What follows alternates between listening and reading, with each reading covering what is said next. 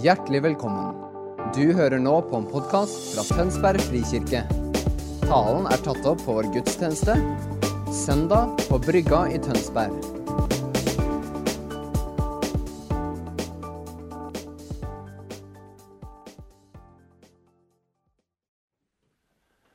Um, Vi startet opp på bønnerommet i dag om eh, at Guds miskunnhet Den tar aldri slutt. Guds nåde og miskunnhet tar aldri slutt. Du greier aldri å bruke den opp. Og jeg tenkte på den uh, setningen som gikk gjennom her, at uh, Herre Jesus, jeg øser mitt hjerte ut for deg. Og hvis dere ser det som uh, rekvisittene som står her i dag Det var ikke akkurat det som kom tilbake til denne her, men vi som er litt gamle, vet at det er noe som heter en sånn botsbenk. Det er fine greier. Da synliggjorde vi det veldig tydelig. Og da, hvis det er ting som er trøblete i livet mitt, da kommer jeg til botsbenken. Så ser jeg på han som henger på korset for meg. Og så snur hele bildet. Og det skal vi snakke om. Når jeg øser ut fra han, så snur bildet. Det er lov til å si et lite halleluja. Litt sånn beskjedent. Halleluja. Jeg starter denne klokka her. Da går, teller det nedover, den. Ja, skumle greier. Jeg tror ikke jeg ser på den. Tror jeg heller ser på den her. Kjære Jesus, nå må vi be. Gode Far i himmelen, vi takker deg for evangeliet, Herre Jesus, som er så praktfullt og så fantastisk. Og så ber vi at du hjelper oss i dag med å skjønne det, slik at det bringer frihet inn i livet vårt. Herre Jesus, la ditt ord få lov til å åpne seg og levendegjøres inn i våre hjerter, slik at ikke bare våre hjerter, men også våre sinn kan åpne seg opp for deg. Slik at vi skjønner hva du gjør og har gjort. I Jesu navn. Amen. Vi er da kommet til eh, Rombrevet, syvende kapittel. Yeah! Det er bare for å sjekke at dere er våkne her. Men evangeliet beskriver altså de gode nyhetene om hvordan mennesker kan komme tilbake til fellesskap med Gud. Og leve med og for Han. Det er evangeliet. Det handler altså da mer om frelse eller født på ny, eller hva du kaller det. Og Vanligvis så tenker vi vi skal forkynne evangeliet. Da tenker vi forkynner evangeliet eller ordene om frelse. Det er bare en del av evangeliet. Gode ord og det gode budskap fra himmelen, fra Gud Fader til menneskene, er hele pakka. Og det skal vi da snakke litt om. Paulus skriver altså da rombrevet, som jeg har hørt, til primært jødekristne. Eh, derfor forklarer han ut fra en jødisk forståelse evangeliet. Og da eh, er det en del av det som ikke er så veldig relevant for oss. F.eks. lovens sterke betydning er ikke sånn veldig viktig for oss å få med oss. Vi er ikke hengt opp i Moseloven og dens krav. Eh, og den forkludder liksom kristenlivet for oss. Men mange mennesker sliter likevel med prinsippet. Altså ikke Moseloven, men det at det er en forventning om at vi burde være fullkomne eller bedre enn vi er.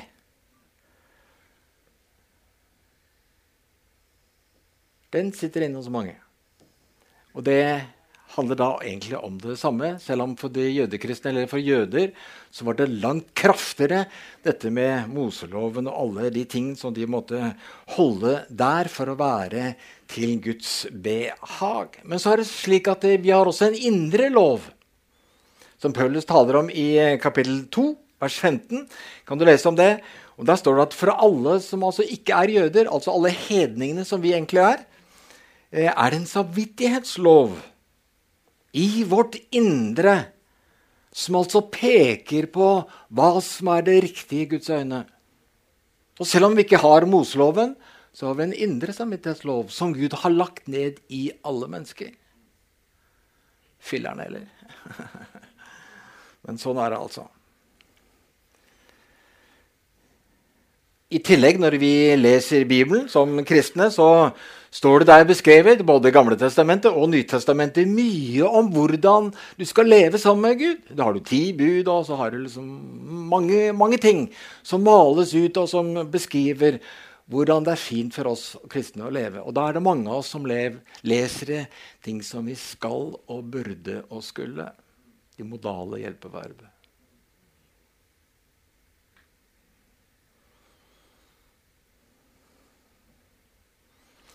Teologisk så opererer vi med et begrep som eh, skiller forkynnelsen mellom lov og evangeliet. Jeg vet ikke om du har hørt det uttrykket? Lov og evangeliet. Forkynnelsen av lov eh, handler da om Guds gode vilje for oss. ikke Guds strenge krav, som mange leser det. Men altså det er Guds gode vilje, men som oppleves som krav. Særlig hvis du er en notorisk tyv, så kan jo det å høre det gode tilbudet fra Gud at det er bra å ikke stjele, så følger du det som et leit krav fordi du liker å stjele. Ja. Så det er ettersom hvordan du er i forhold til det som er Guds gode vilje. Men Det skal altså gi oss en forståelse om hvordan Gud ønsker at vi skal leve, og hva som er bra for oss. Men det i seg selv, som et krav, kan ikke forandre oss. Og det er ikke alle som skjønner. Kravet om å være bedre enn det du er, forandrer deg ikke.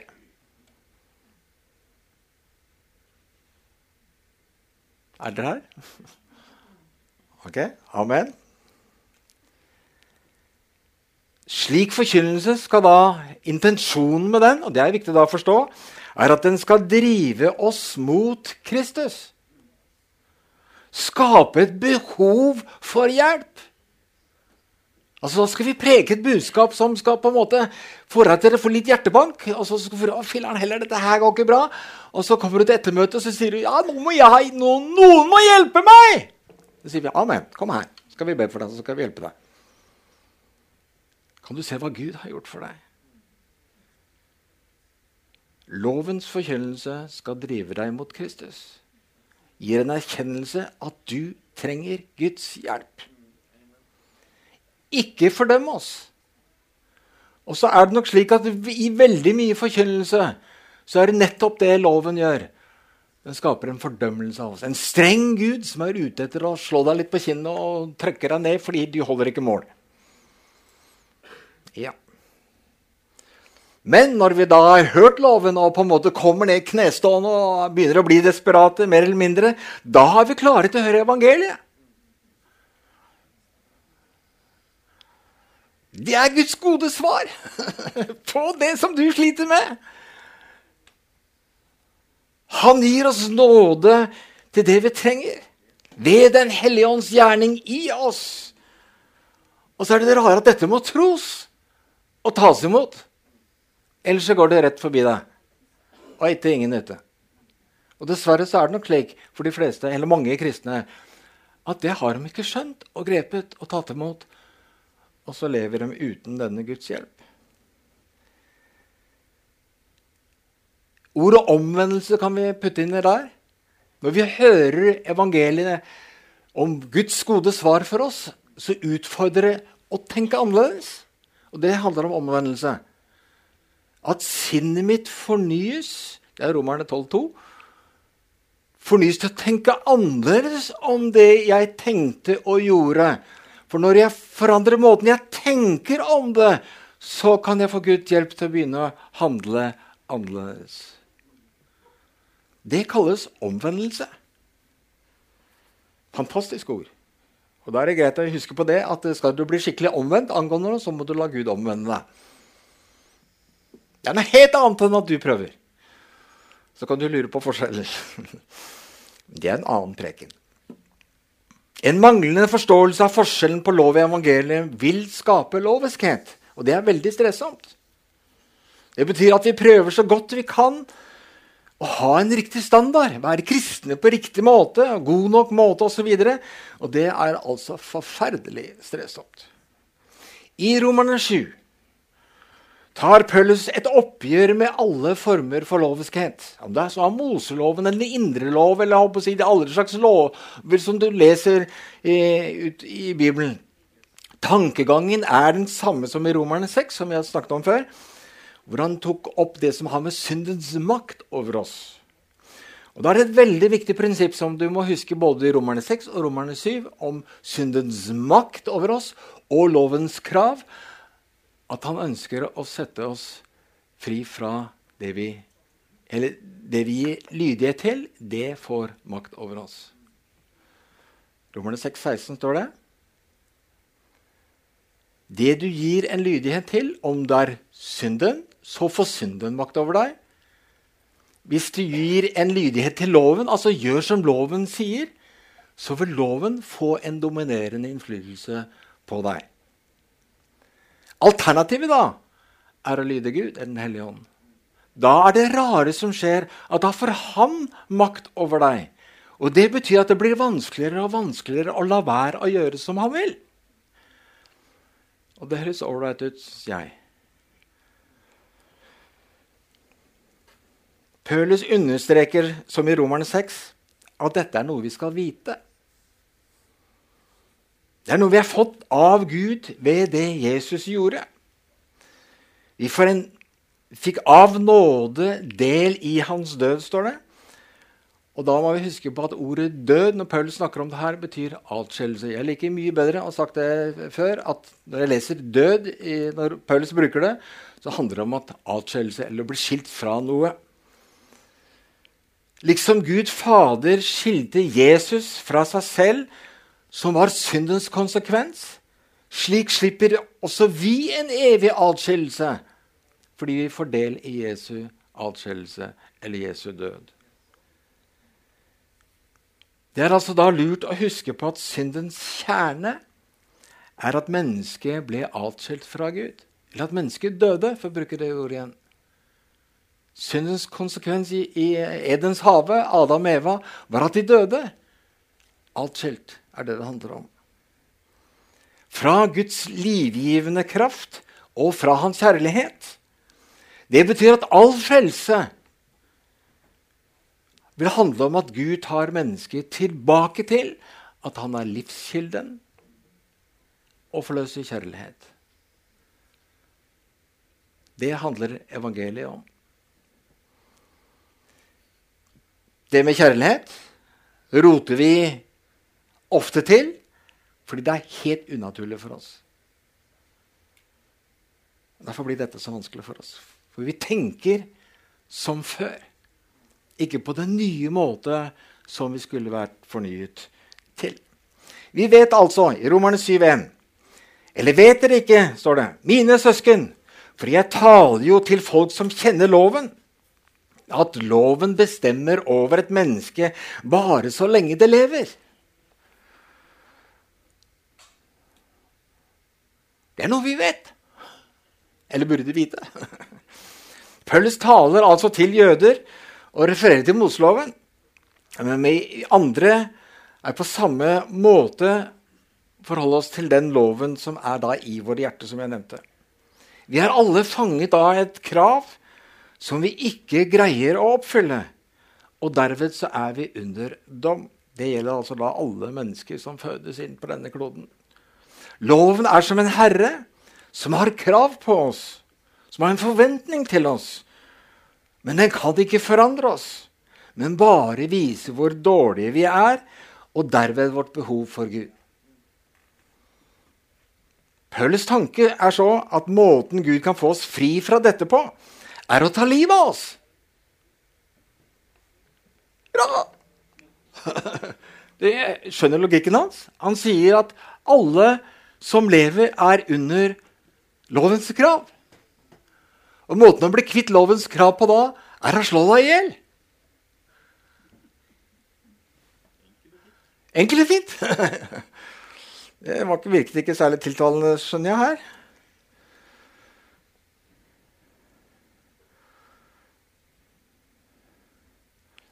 Så bruker han da vers 2-3 i Romerne 7 et bilde fra ekteskapet.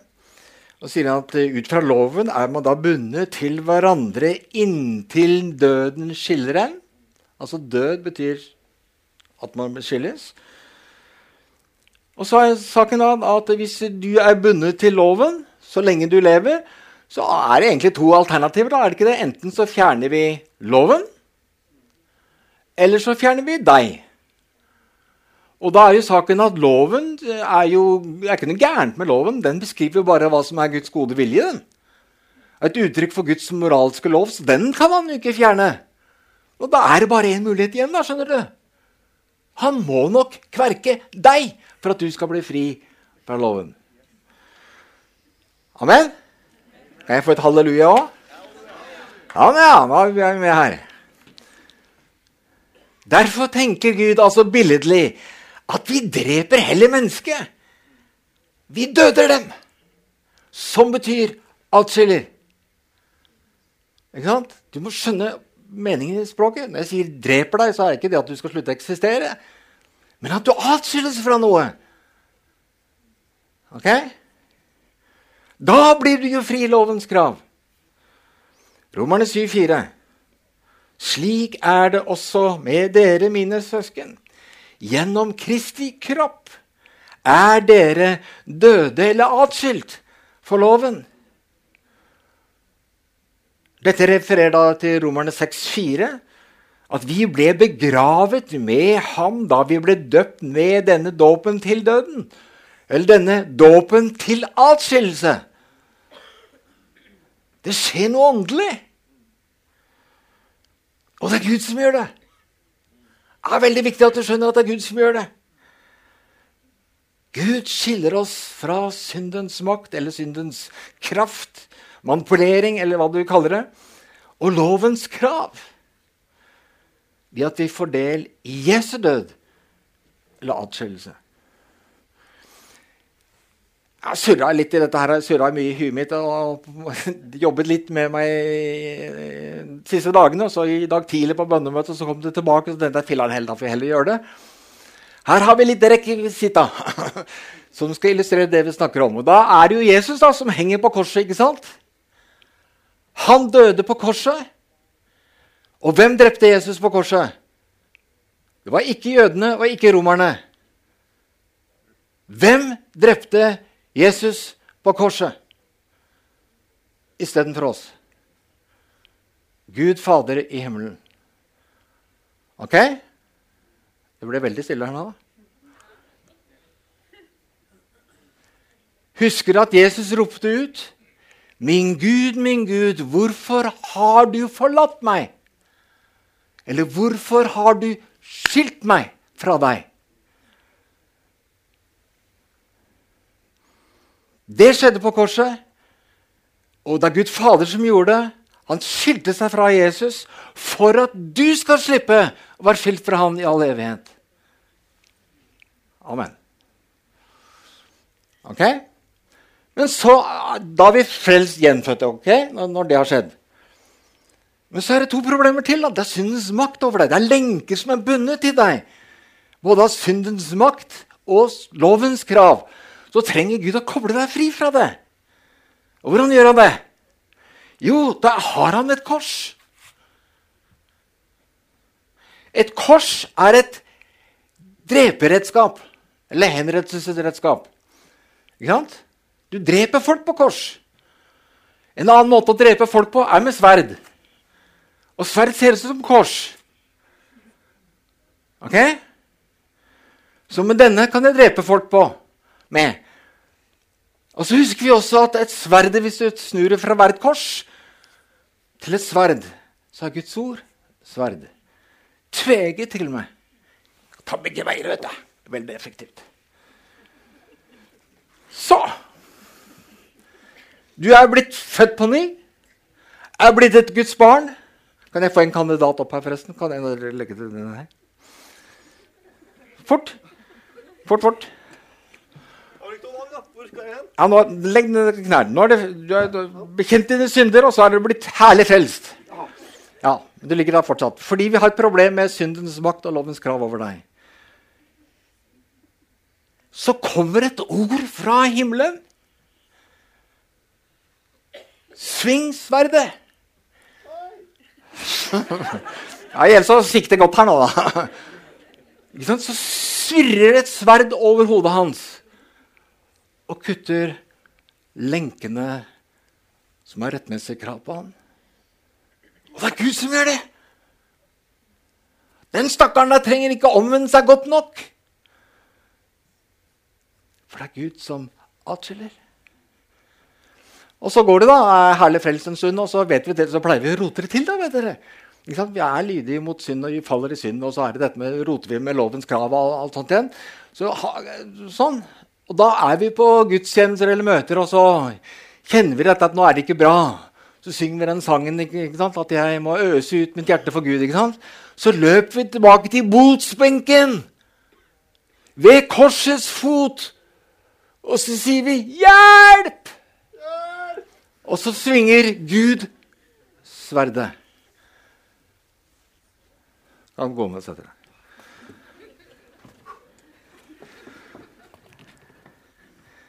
Skjønner dere bildet? Paulus talte om dåp. Det synliggjøres i vanndåpen. Dåpskandidaten tas ned i vannet. Det er en begravelse. Man skal druknes i dåp. Visste du det? Man skal dødes.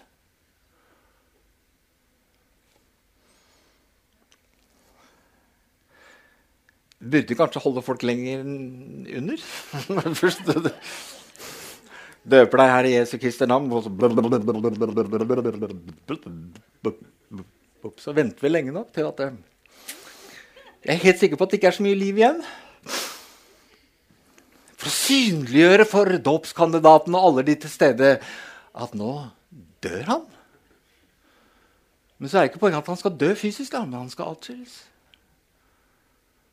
Og mens vi holder han der nede, så skiller Gud. Så la han ord skiller han syndens makt og, syndens, og lovens grav. Og da er det på tid til oppstandelse. Og da reiser vi dem opp! Herlig bilde.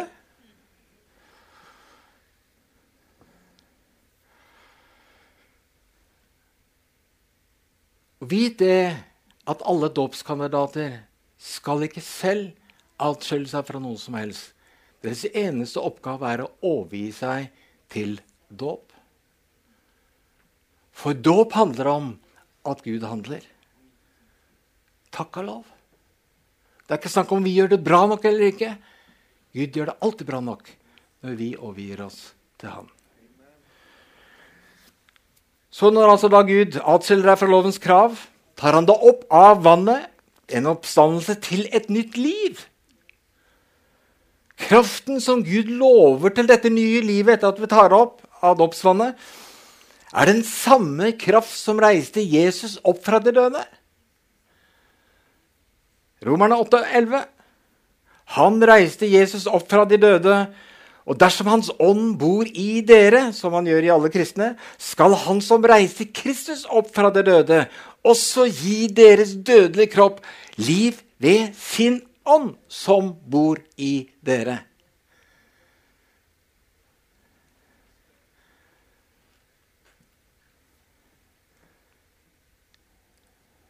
Jeg skjønner at på responsen at dere ikke skjønner det vi leste. Finnes det noe bedre tilbud? Og det som på en måte er litt sånn hos oss, er at det der høres kjempebra ut, men vi har ikke erfaringen av det. Derfor trenger vi å forkynne evangeliet på nettopp denne sannheten. Slik at det dømmer opp i oss. Slik at den åndsvirkeligheten kan begynne å virke i oss. Vi skal altså vite dette, at Guds rikes tankegang og virkelighet sier at alle som Gud gjenføder, og som blir altså da Guds barn, tar han også å kutte fri fra syndens makt og lovens krav. Det er noe du skal vite. Og så er det en kamp da om hva du vet, og hva du tror. Det skal vi innrømme. Og det du da tror, om det er sannhet eller løgn om din situasjon, så vil din virkelighet bli preget av hva du tror. Hvis du tror at du må leve under lovens krav for å være en rett kristen, da vil du oppleve at Gud krever dette av deg. Men det er bare ikke sant. Du lever i et unødvendig fangenskap. Og sannheten må sette deg fri til evangeliet. Hvis vi så griper sannheten som evangeliet beskriver, så ser vi at vi er satt fri både fra syndens makt over oss og lovens krav om alt det vi burde og skulle. Kan vi så leve akkurat slik vi vil, da? Hippi! Slipper å holde de ti bud og slipper å holde noen ting. Jeg kan bare gjøre hva jeg vil. Uh, uh, uh. Nei, Paulus sa noe om det i Romerne 6.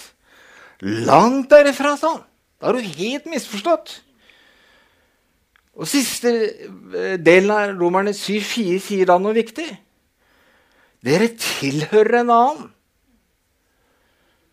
Han som har stått opp fra de døde, for at Kan du gjerne ta en rød greie og streke i Bibelen din?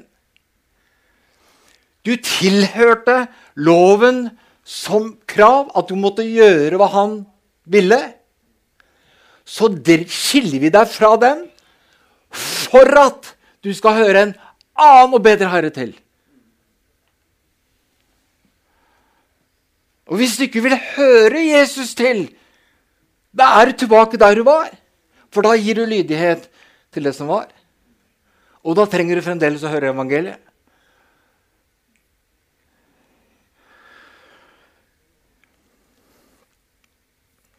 Vi skal altså få en bedre herre. Vi skilles fra det gamle for at vi skal få noe bedre. Vi skal høre en annen til. Det er ikke snakk om at du skal høre deg selv til.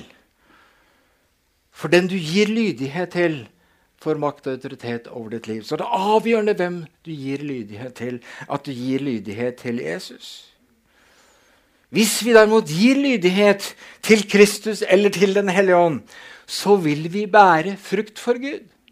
Det er en årsak-virkning. Hvordan får du åndelig frukt i ditt liv? Du kan ikke skape åndelig frukt i ditt liv. Den vokser fram ettersom hva du er kobla til. Kobler du deg til Jesus og Den hellige ånd, så er åndelig frukt et naturlig resultat. Du kan ikke unngå det.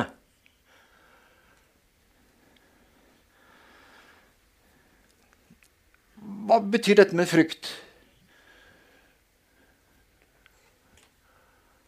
Og Da har jeg plukka litt fra Norsk studiebibel. Ja, der står det Det nye livet kan ikke virkeliggjøre seg selv. Det kan bare skje ved Guds ånd. Det er altså da lurt å huske på. da. Og det at jeg skal være annerledes, det kan bare skje ved at Den hellige ånd gjør noe i meg. Om frukt, i sitat fra eh, fotnote i 1. Korinterne 12,31, så står det åndens frukt er Kristi sinn og vesen, virkeliggjort i den troendes karakter og liv, ved at Kristus selv vinner skikkelse i sine. Det er noe rart som ser at vi begynner å ligne på Jesus i måten som vi tenker og handler på. Og så er dette en gradvis ting som vokser frem hvis du slipper løs Den hellige ånd i livet ditt. Hvis du ikke slipper den løs, så har du veldig lite av det, og da blir det veldig stressomt å prøve å ligne på Jesus. Etter å ha forklart det vi skal vite om vårt forhold til lovens krav kommer en del om hvordan loven og synden virker i forhold til hverandre utover i kapittel 7. Så kommer skildringen av en person som vet hva som er riktig å gjøre, men noe i han driver han til å gjøre det gale. Og Det er en fortvilet situasjon. Og til slutt så roper han ut 'Hvem skal fri meg fra dette?' Det er slutten av Romeren 7. Da er det forskjellige sånn, teologiske tolkningsmodeller på det. Eh, jeg tror at min er riktig, og her kommer den. Jeg tror vi faktisk enkelt kan bare se at det beskriver en person som er blitt frelst, født på ny, fått ånden inn i sitt hjerte, som alle får som er født på ny. Du vet da hva som er riktig. Stort sett. Men du forstår ikke hvordan du skal få det til. Det er forskjell på å vite hva jeg burde gjort, og få det til. Og det er det Paulus maler ut. Han tenker derfor menneskelig slik som han var før. Hvor, hele, hvor alt avhenger av hans egne ressurser og dyktighet og viljestyrke. og hva det skal være. Han ser ikke at evangeliet handler om noe mer enn å bli født på ny. Svaret til dette mennesket og oss alle er det Paulus da sier i Romerne 8. Hvem skal fri meg? Og så kommer svaret i Romerne 8 som beskriver åndens gjerning i oss, og et annerledes liv, det vi ikke får til på egen hånd.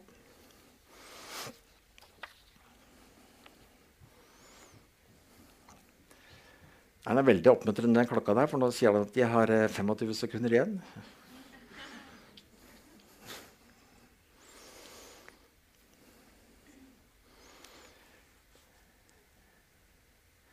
Evangeliets ord sier at vi er satt fri til å velge. Vi er satt fri til å velge Kristus. Når vi velger Kristus, så skjer en åndens gjerning i oss. Det er tankevekkende eh, Jeg hopper litt i powerpointen. Eh, til Romerne 1310. Det er tankevekkende at Paulus summerer opp alt det han sier eh, om loven, det positive om loven og det den skal kreve, at det oppfylles av kjærlighet. I Romerne 13,10 står det at kjærligheten gjør ikke noe ondt mot nesten. Derfor er kjærligheten oppfyllelsen av loven. Derfor er fokuset for Guds barn ikke lovens krav alt vi skulle og burde å gjøre, men Guds kjærlighet. Tenk hvis Guds menighet ikke hadde fokuset på alt det som var rett og gærent, men på Guds kjærlighet. Den kjærligheten som er utøst i våre hjerter, Romerne 5.5. Så vi skal, kan strebe etter åndens gaver. Det er bra. Men enda mer hvordan kjærligheten ser ut i praksis i våre liv. Det er absolutt kjernen. For det handler om det livet Jesus gir, og ånden vil skape i oss. Hvordan ser det ut i mitt liv? Lykke, tilfredshet handler ikke om alt jeg kan få, men å leve i Guds kjærlighet gjenkjenner det gode som Gud ønsker vi skal velge angående ham, som vi får alt fra, og det gode Gud ønsker angående oss selv, som vi trenger, som er Guds gode vilje for oss, og også det som gjelder de andre rundt oss. Kjærligheten. Vi går rett til ettertanke. De som vil ha alt det jeg nå har sagt på tre minutter, som egentlig er opp en ti minutter, de kan uh, få manuset. Men vi tar til ettertanke. Hvordan forstår du evangeliet? Hvordan lever du som kristen? Trenger du at Gud skiller deg fra det som binder deg? Kjenner du at det er noen som på en måte har makt over deg? Det er korsets fot. Botsbenken. Hvor du forteller Gud akkurat hva du trenger, hva du er bundet av. Så sier Gud, sving sverdet. Kanskje dukke i det han gjør det. Når du bekjenner korsets fot, svinger Gud sverdet. Trenger du å velge å høre Jesus til? Og følge Han i kjærligheten ved Åndens hjelp? Har du skjønt at evangeliet handler ikke bare om at du blir født på ny, men at Gud setter deg fri til å velge Han og følge Han? Og når du velger Han og følger Han, så skaper Ånden frukt i ditt liv. Og hvordan ser Guds kjærlighet ut i din hverdag i dag? Det Jesus har for deg, er kjærlighet. Hvordan ser det ut? forhold til han, deg selv, andre mennesker. Dere skal få noen få sekunder til å tenke over dette.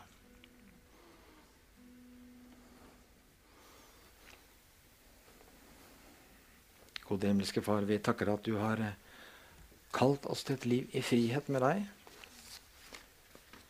Ikke frihet til å gjøre hva vi vil, men frihet til å følge deg. Herre Jesus, la oss forstå det, at det er det beste som fins. Selv om det kan være utfordrende, så er det alltid det beste som fins. Det er det som gir livet mening. Det er det som forløser kjærligheten i oss. At du åpner dette perspektivet for oss. Hva din kjærlighet kan gjøre i oss og gjennom oss. Herre Jesus, åpenbar ditt evangelium for oss. Og hjelp oss til å respondere slik du ønsker. I Jesu navn. Amen.